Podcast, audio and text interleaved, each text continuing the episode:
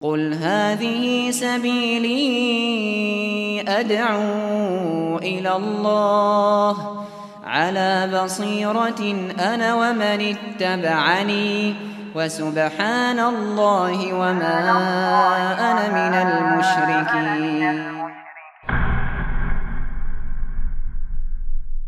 Bismillahirrahmanirrahim Assalamualaikum warahmatullahi wabarakatuh Alhamdulillahirrabbilalamin Wassalatu wassalamu ala ashrafil anbiya wal mursalin. Nabiina Muhammad wa ala alihi Wa man tabi'ahum bi isanin ila yamiddin Allahumma anfa'na bima alamtana Wa aliman wa alimna man anfa'una Wa zidna ilma. Baik, sekarang kita pada berada pada sesi yang ke 6. Masuk pada bab keempat. Judulnya takut terhadap syirik. Judulnya takut terhadap syirik. Kalau bab pertama kita bahas tentang wajibnya bertauhid, Bab kedua, keutamaan tauhid dapat menghapuskan dosa-dosa. Bab yang ketiga, orang yang bertauhid merealisasikan tauhid dengan benar akan masuk surga tanpa hisab. Yang keempat ini dijelaskan tentang takut pada syirik, baik itu syirik yang nampak syirik maupun yang samar syiriknya. Baik ini kita takut pada syirik yang nampak disebut dengan syirik jali. Begitu juga takut pada syirik yang khafi yang tersembunyi.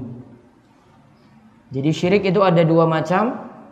Kalau dilihat nampak atau tidaknya yaitu syirik jali dan syirik khafi. Kalau syirik jali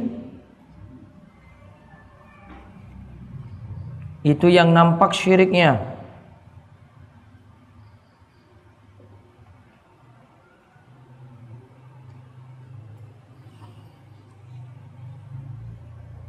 dan Syekh Muhammad dan Syekh Abdurrahman bin Nasir ini menggolongkan syirik akbar itu masuk nanti dalam syirik jali. Namun belum tentu juga. Karena nanti ada syirik yang tidak nampak juga. Ada orang yang nggak sadar padahal itu masuk syirik besar. Yang kedua syirik khafi, syirik yang samar. Syirik khafi, syirik yang samar. Dan nanti kita akan temukan dalam pembahasan Syekh Muhammad bin Abdul Wahab di kitab ini. Beliau nanti ibaratkan syirik yang samar itu seperti disebut dalam hadis bagaikan semut hitam di atas batu hitam di tengah gelap malam. Semut itu sudah kecil terus ibaratnya hitam lagi di atas batu hitam sudah nggak kelihatan tambah lagi di tengah gelap malam orang yang tidak pernah belajar atau tidak mengetahui syirik ada yang sifatnya seperti itu. Sampai nggak tahu kalau itu syirik padahal dia telah terjatuh dalam perbuatan syirik.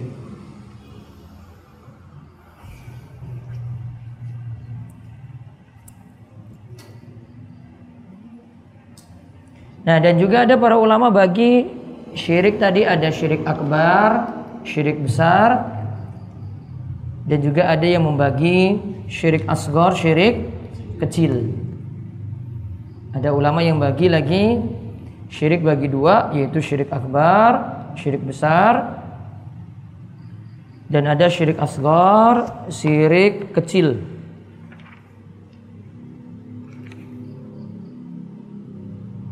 Kalau syirik akbar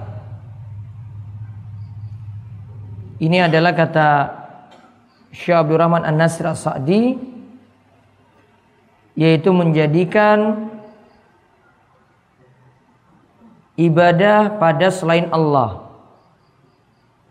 Menjadikan ibadah pada selain Allah.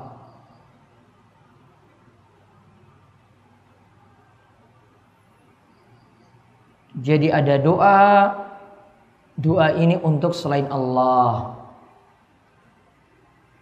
Ada juga sholat murni untuk selain Allah. Bukan bergabung dengan Allah di sini. Allah tidak turut serta. Namun doanya dia murni tujukan pada selain Allah. Walaupun nanti di lain waktu dia berdoa pada Allah juga. Tidak pandang keadaan waktu yang lainnya. Sebagaimana kebiasaan orang musyrik itu kalau susah baru mengadu pada Allah. Namun kalau dalam keadaan senang, ketika selamat, ya foya-foya untuk berbuat syirik pada Allah Subhanahu wa taala. Nah, kalau syirik akbar tadi menjadikan ibadah pada selain Allah. Contoh doa pada selain Allah, tumbal sembelian pada selain Allah. Sedangkan syirik asgor, syirik kecil, kalau menurut Abdurrahman bin Nasir As-Sa'di adalah setiap perbuatan atau ucapan yang mengantarkan kepada syirik. Setiap perbuatan atau ucapan yang mengantarkan kepada syirik.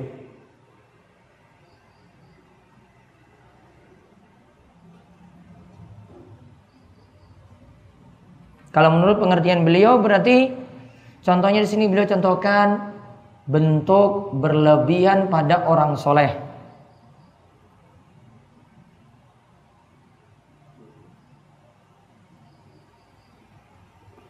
Bentuk berlebihan pada orang soleh. Sumpah pada selain Allah.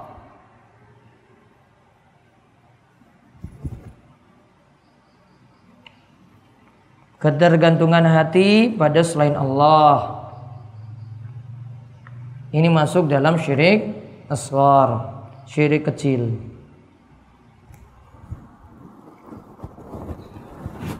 Namun ada ulama yang memahami pengertian syirik kecil yang kedua. Syirik kecil adalah sesuatu yang disebut syirik namun tidak mengeluarkan dari Islam. Ada juga pengertian syirik kecil adalah sesuatu yang disebut syirik namun tidak mengeluarkan pelakunya dari Islam. Contoh misalnya Rasul sebut syirik pada perbuatan ria. Contohnya ria pamer amalan, ingin dipuji pada amalannya. Nah ini masuk syirik, nanti kita akan lihat hadisnya. Namun tidak mengeluarkan pelakunya dari Islam. Tidak dikatakan pelakunya itu kafir. Nah, jadi tujuan bab ini kita mempelajarinya supaya syirik kecil dan syirik besar benar-benar ditinggalkan. Bukan hanya syirik besar saja, namun syirik yang kecil atau ada syirik yang menjeli, yang nampak atau ada syirik yang samar juga. Kita pandai-pandai belajar juga supaya bisa meninggalkannya. Coba kita lihat dalilnya ada dua ayat Al-Quran dan ada tiga hadis. Namun singkat-singkat di sini. Yang pertama An-Nisa ayat 48. Firman Allah Subhanahu wa taala, "Innallaha la yaghfiru ay yushraka bihi wa yaghfiru ma duna dzalika liman yasha."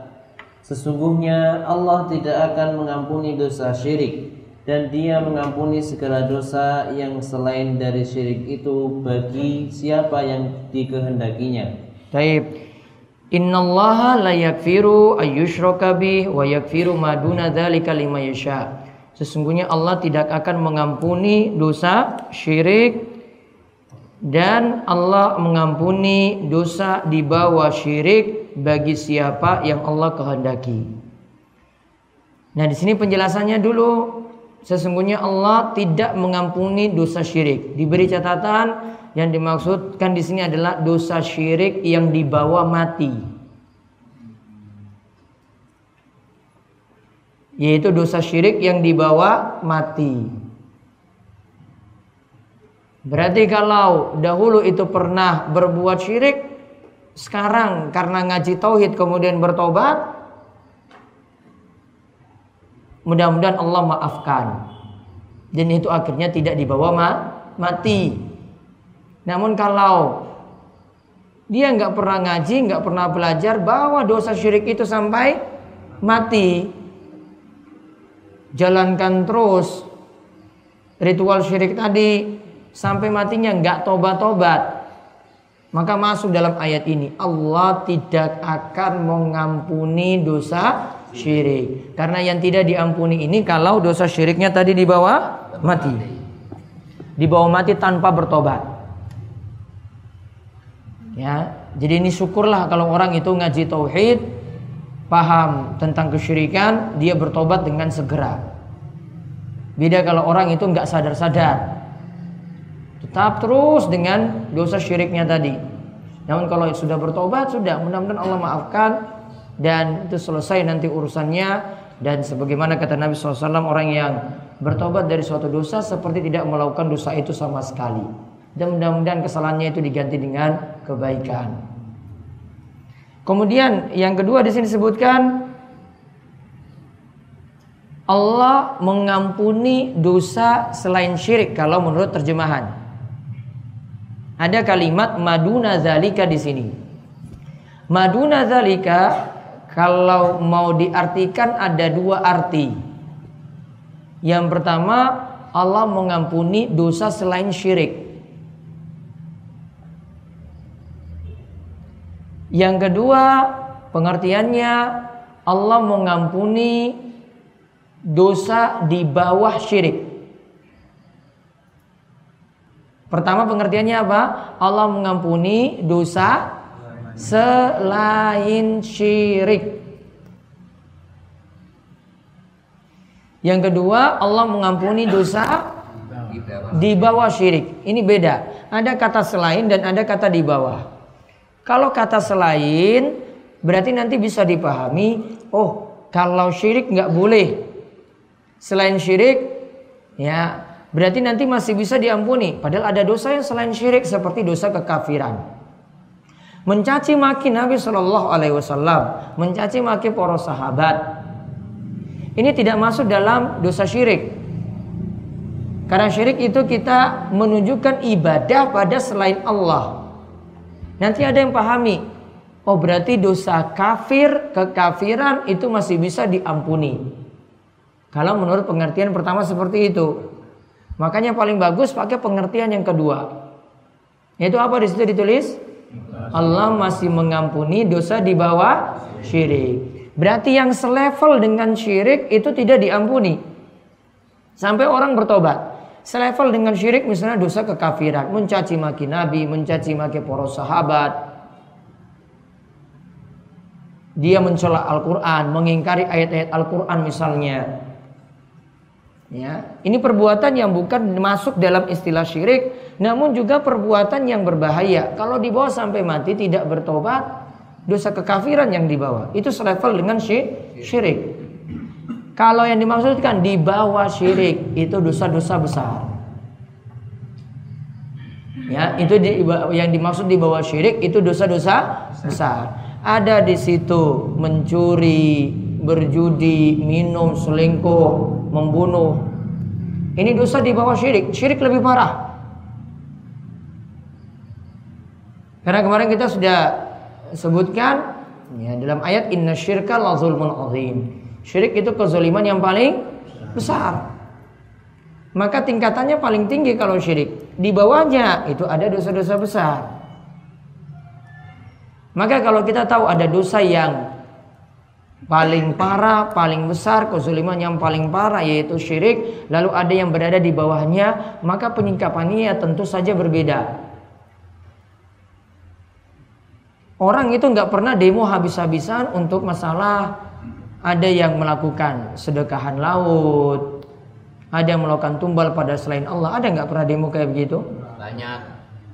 Level pendukuhan aja lah. Oh, enggak ada. Oh nggak ada. Demo loh kayak gitu. Ada. ya? protes gitu. Nggak. Saat jamaah itu protes ngangkat ini, nggak pernah itu kayak gitu nggak ada. Namun kalau ada koruptor, penista agama, ya jelas memang salah juga. Namun penyingkapannya berbeda. Kalau ini nganggap, wah ini super super parah ini. Namun kalau tadi yang eh, ada yang per- masuk perbuatan syirik, ya, yang masuk perbuatan syirik tidak disikapi seperti itu, dianggap biasa. Ah ini sudah membudaya, ah ini sudah mentradisi, orang masalah. Naluri. Nah itu ya ini saja dari penyingkapan saya seperti itu. Intinya yang dimaksudkan dalam ayat yang paling bagus kita katakan Allah masih mengampuni dosa di bawah syirik. Allah masih mengampuni dosa di bawah syirik. Namun lihat lanjutannya, lima yasha bagi siapa yang Allah kehendaki. Yaitu maksudnya sini kata para ulama tahtal masyiah. Kalau dosa ini dibawa mati maka sesuai dengan kehendak Allah. Kalau Allah kehendaki penjudi, perampok, peminum minuman keras, itu Allah maafkan. Lihat dari iman yang dia miliki. Atau lihat dari kebaikan-kebaikan yang dia miliki. Namun kalau Allah mau kehendaki, Allah siksa dia terlebih dahulu. Semua tahtal masyiah. Semua masuk tahtal masyiah. Sesuai dengan kehendak Allah. Tidak membuat juga orang yang berbuat dosa besar tadi kekal dalam neraka. Ya, karena nanti yang kekal dalam neraka cuma orang-orang yang berbuat syirik dan juga orang-orang yang melakukan kekafiran. Nah ini An-Nisa ayat 48 seperti itu maksudnya. Di garis bawahi pada kalimat Allah tidak akan mengampuni dosa syirik. Berarti kita harus takut karena nanti mencakup di sini syirik besar dan syirik kecil. Sebagian ulama masih masukkan syirik kecil di sini. Syirik kecil tidak dibawa mati, tidak diampuni, masuk dalam timbangan. Namun jelas pelakunya tidak kekal dalam neraka. Namun masuk dalam timbangan. Ini yang berat di situ. Makanya maksud dari Syekh di sini beliau ingin jelaskan kita benar-benar takut pada syirik karena kalimatnya umum. Ya, kalimatnya itu umum di sini. Ayyusyrakabi. Ini bisa ditakwil pada masdar dan masdar dalam siak atau dalam konteks kalimat penafian ini bermakna umum. Jadi syirik besar masuk, syirik kecil juga masuk di dalamnya. Terus yang kedua, perkataan Nabi Ibrahim. Al-Khalil Ibrahim alaihi salam berkata, "Wajnubni wa baniya an na'budal asnam." Jauhkanlah aku beserta anak cucuku daripada menyembah berhala-berhala. Wa junubni wa baniya anna budal asnam. Jauhkanlah diriku ya Allah dan juga jauhkanlah keturunanku dari menyembah asnam, menyembah berhala. Ada istilah di sini asnam berhala dan ada nanti istilah wasan. Kalau dijelaskan oleh Syekh Sulaiman Atami beliau katakan sonam atau asnam itu berhala yang punya bentuk seperti manusia. Berarti patung-patung. Jadi asnam yang dalam ayat ini ini yang punya bentuk seperti manusia. Berarti patung-patung. Ada istilah lagi wasan. Berarti yang bentuknya selain dibentuk seperti manusia tadi. Kalau tadi manhutan ala suratil bas- bashar, kalau asnam itu dibentuk seperti bentuk manusia. Kalau wasan itu yang selain dari itu, berarti kuburan-kuburan ini masuk ausan atau wasan.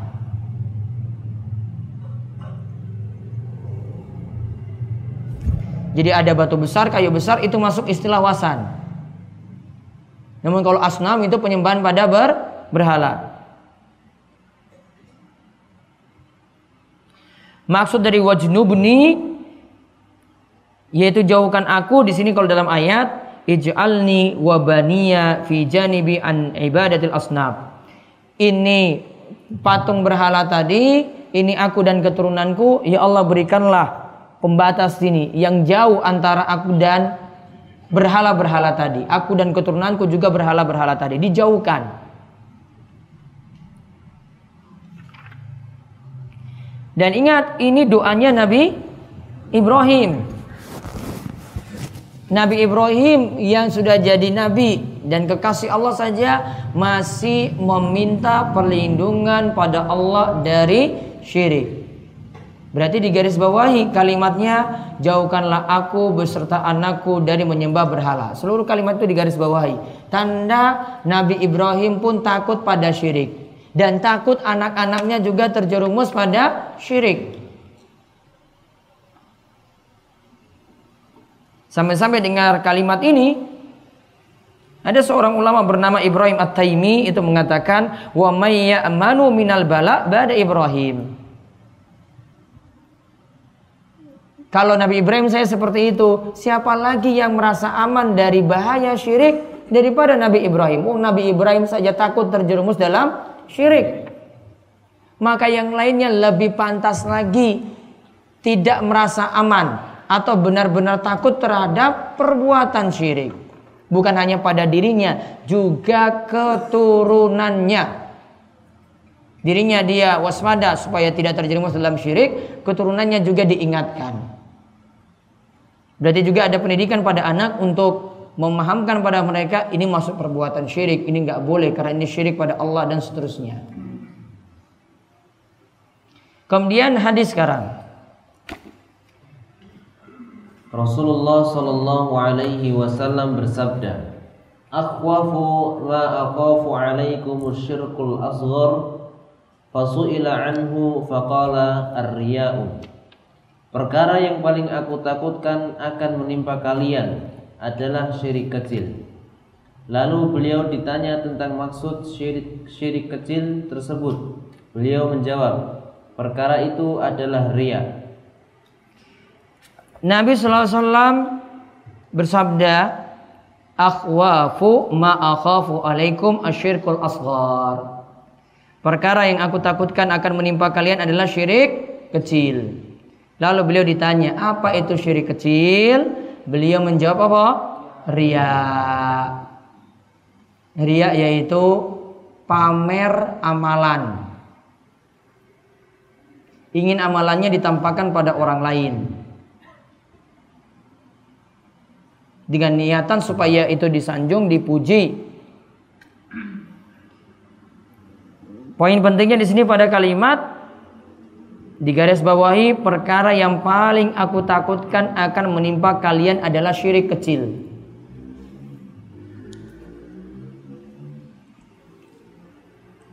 Kalau Nabi katakan demikian syirik kecil, uang Nabi khawatir saya syirik kecil menimpa kita, padahal syirik kecil ini peluangnya paling besar menimpa orang muslim. Dibandingkan syirik besar. Kalau syirik besar orang sudah tahu, oh ini tumbal pada selain Allah nggak boleh, oh ini sesajian pada selain Allah nggak boleh. Oh ini pada kayu besar nggak boleh. Ini sudah paham. Dia mungkin bisa meninggalkan ini. Namun syirik kecil sulit. Nah ini yang Nabi khawatirkan berarti Nabi ini mengajarkan pada kita waspadalah pada perbuatan syirik walaupun itu adalah syirik kecil. Harus waspada. Nanti pembahasan riak nanti ada pembahasan sendiri dalam kitab ini.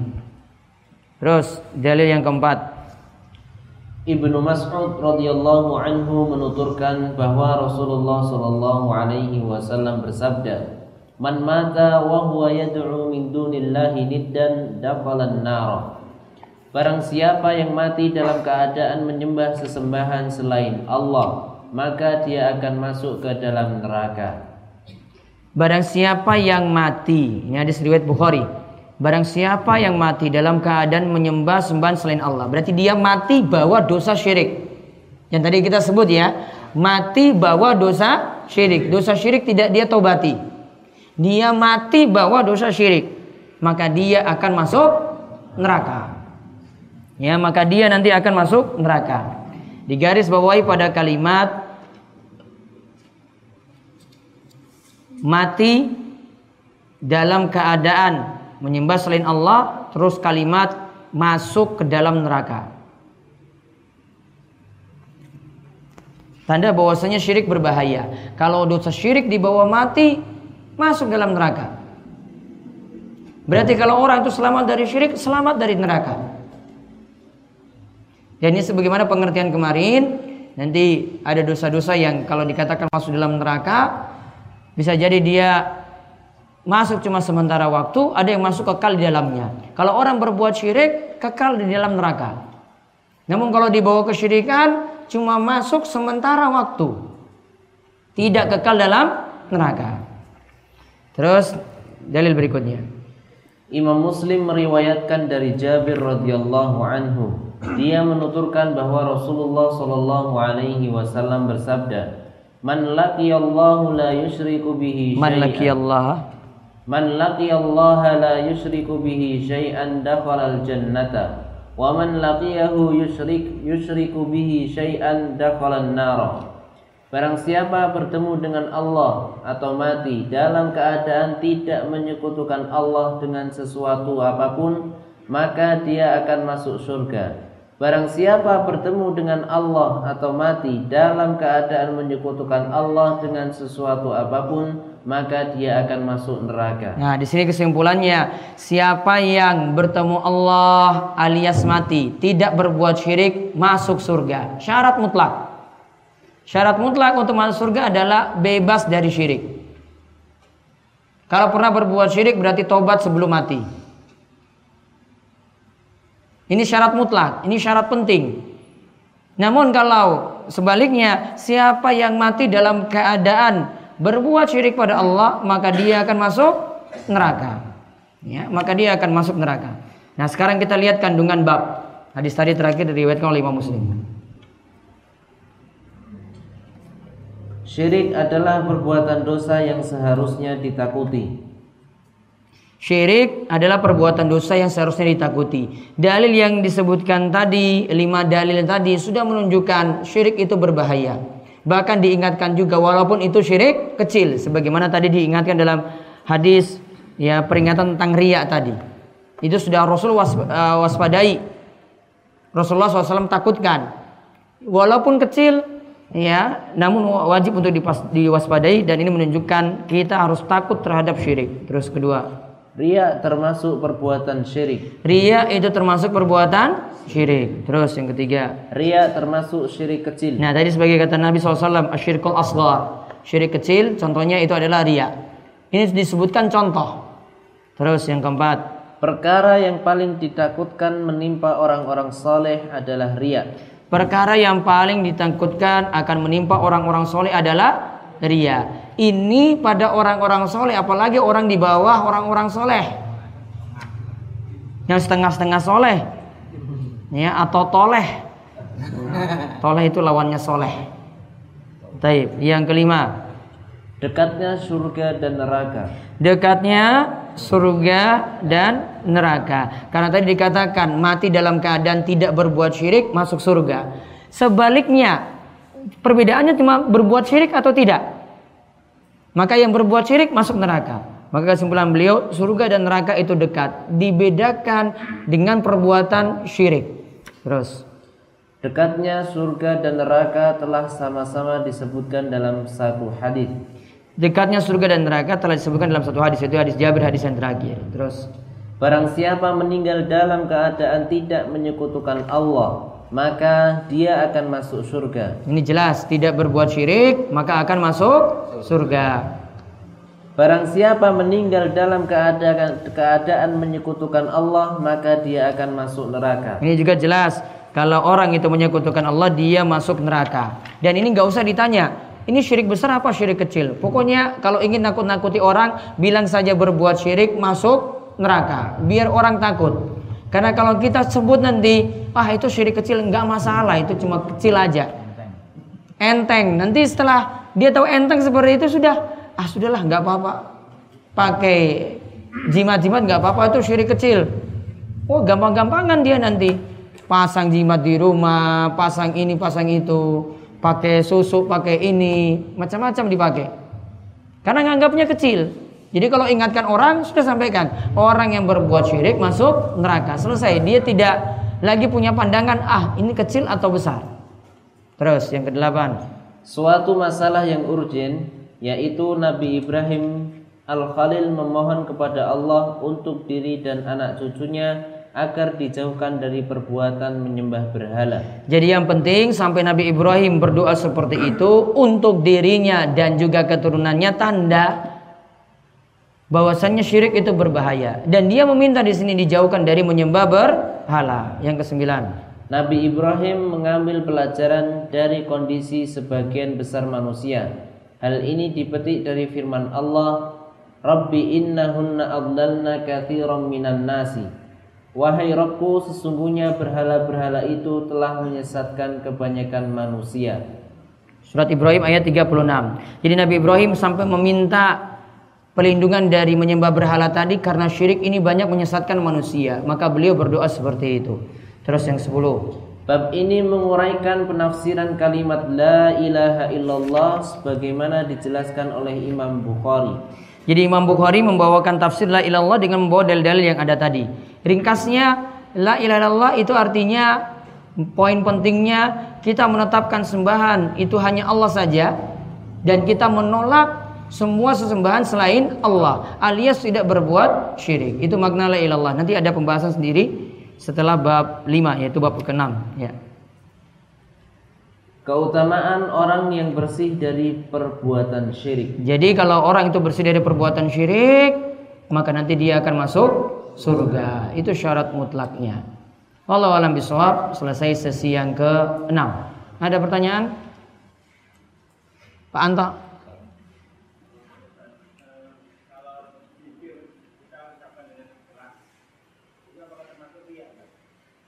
Zikir ucapkan dengan keras, tergantung.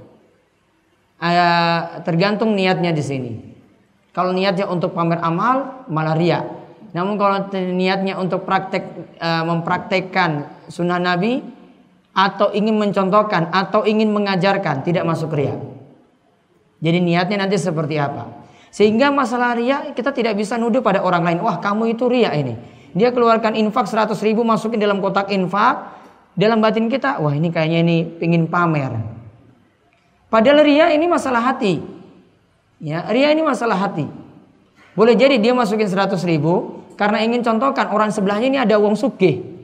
Ada orang kaya. Ini biar di, yang ini juga masukkan juga lebih banyak daripada saya. Ingin memotivasi yang lain. Motivasi yang lain untuk masalah kebaikan seperti ini boleh. Jadi tergantung dengan niatannya tadi. Maka zikir dengan suara keras. Ya, ini lihat keadaan asalnya zikir hukum asalnya dengan suara lirih. Bahkan Syaikhul Islam Ibnu Taimiyah dan Ibnu Qayyim itu punya bahasa sendiri. Beliau membanding-bandingkan doa dan zikir dengan lirih itu lebih utama dengan beberapa alasan. Contoh alasan yang simpel yang beliau sebutkan uh, disebutkan oleh Ibnu Taimiyah. Beliau katakan, coba kita kalau di hadapan raja, menghadap bupati, menghadap presiden, Apakah berani kita dengan suara-suara keras minta-minta seperti itu? Datang langsung minta, Pak, tolong proposal saya dikabulkan. Ataukah dia dengan suara lirih pelan-pelan, kesantunan, dia ngomong pasti dengan suara lirih. Dia tidak paksa dengan suara keras. Ini saja sudah menunjukkan bahwasanya lirih itu lebih bagus daripada keras. Ya, lirih lebih bagus daripada suara keras. Dan juga kata beliau, kalau zikir atau doa dengan lirik ini juga menunjukkan bahwasanya orang ini yakin bahwasanya Allah walaupun jauh Allah itu maha mendengar Allah itu juga punya sifat dekat dekat dengan hambanya Walaupun jauh, namun Allah kabulkan doa hambanya tadi. Zikirnya juga didengar. Maka dia yakin seperti itu. Maka ini juga menunjukkan yang lirih itu lebih utama daripada yang keras. Dan masih banyak poin-poin yang lainnya lagi yang disebutkan oleh Ibnu Taimiyah atau Ibnu Qayyim. Ada lagi? Pak Suharin.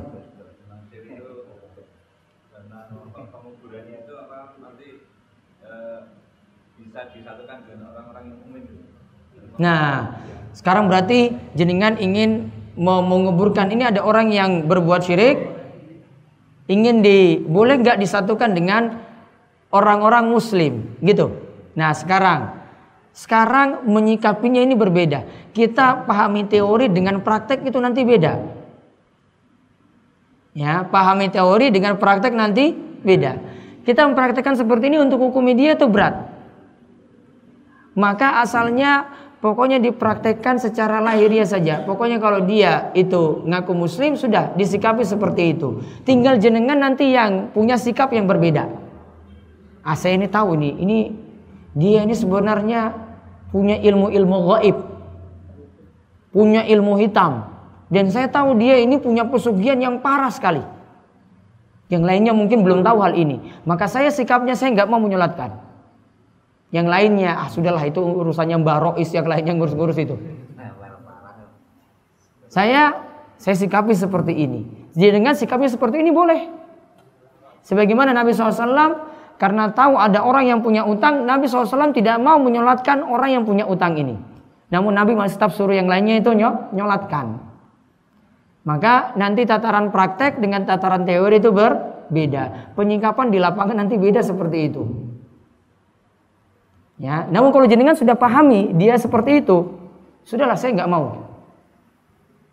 Saya sudah tahu ini dia seperti ini. Contoh juga misalnya kita tahu bahwasanya ini daging ini disembeli oleh orang yang nggak pernah sholat. Saya menyikapinya, saya nggak mau makan dagingnya.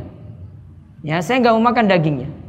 Namun apakah kalau ini masuk ke pasaran, saya larang orang lain ya, saya nggak bisa beritahu semuanya. Saya menyingkapi yang lainnya itu beda. Namun kalau yang ini saya tahu ini dari dia, maka saya nggak mau makan daging dari orang itu. Karena saya tahu dia nggak sholat. Namun untuk orang lain gimana? Nah, kalau ini saya beritahu bisa. Ada yang bisa saya beritahu, ada yang tidak. Yang tidak nggak bisa saya paksakan. Maka prakteknya nanti berbeda ketika penyingkapannya seperti itu. Paham ya? Jadi yang kemarin tanya tentang cara nasihati gimana, nah seperti itu cara penyingkapannya yang gereja Jati.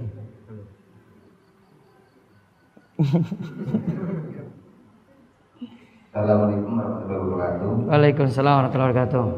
Kita sering menjumpai di lingkungan masyarakat kita menjelang kematian kadang-kadang sering meminta bantuan pada dukun untuk mencabut jimat.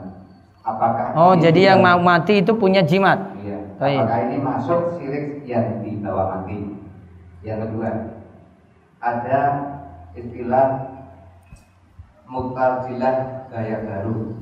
Yang dimaksud mutazilah gaya baru seperti apa dan contohnya seperti apa? Iya. Iya.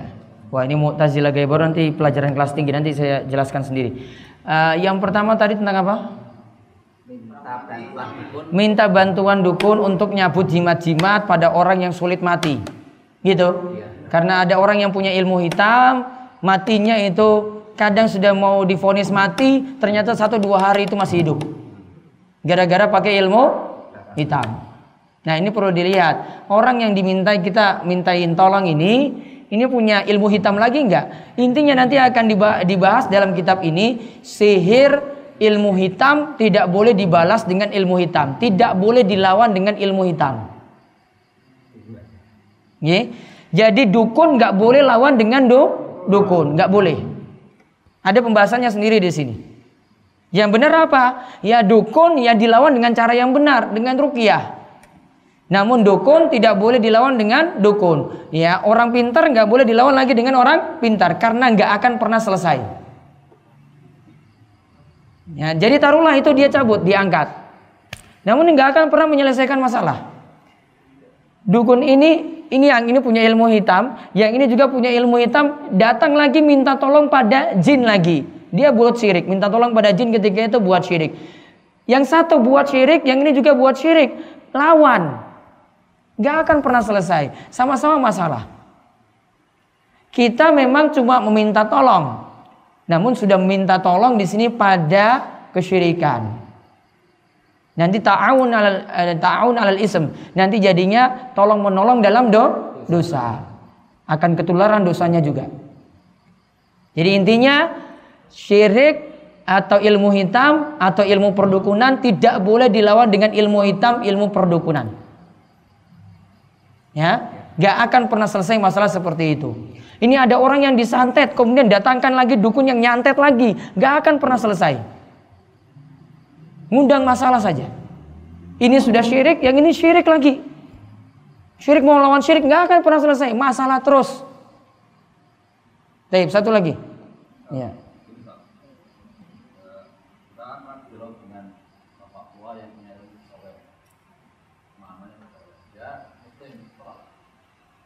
Dia berkata, saya punya aji-aji. Ah, yang Simbah ini punya aji-aji. Ya, Terus Kalau saya bilang ke dia, ya silahkan bertobat karena itu syirik bisa membuat kekal di neraka. Kalau diberitahu saya nggak tahu Pak Rahmat, gimana? Oh dia beritahu ini sudah tahu pakai aji-aji, terus jelengan itu ingatkan harus tobat. Terus dia katakan saya tidak. Saya tidak tahu karena nggak pernah belajar ilmu tauhid. Saya nggak tahu kalau ini syirik. Ya sekarang suruh tobat. Tapi dia tetap punya aji-ajinya belum mau dirukyah. Aji-ajinya itu dibuang. Aji-aji itu jimat-jimat ya. ya di dalam tubuhnya ada. Nah, di rukiah berarti. Di rukiah, namun rukiahnya bisa manfaat kalau mau tobat. Suruh ngaji atau minimal itu rutin sholat lagi. Saya yakin sholatnya juga masalah. Karena ilmu hitam itu nggak bisa digabung dengan sholat. Ya, jadi suruh kembali ibadah, kembali tobat, baru kemudian diajarkan ilmu yang benar. Maka itu nanti dengan sendirinya ilmu-ilmu hitamnya itu nanti akan keluar. Ditambah lagi kalau bisa di ruqyah. Ya, ditambah lagi kalau bisa di ruqyah. Intinya harus sadarkan dia dulu itu ilmu yang keliru. Aji-aji ini nggak boleh dipakai. Kalau ini sudah sadar, otomatis nanti cepat untuk keluar. Namun kalau jenengan tidak sadarkan ini dulu, tetap dia merasa benar. Merasa benar bahwa mati. Tadi apa? Masuk neraka. Dosa syirik di bawah mati masuk neraka. Maka tidak ada jaminan selamat. Wallahu alam bisawab. Istirahat dulu 10 menit baru kita lanjut lagi.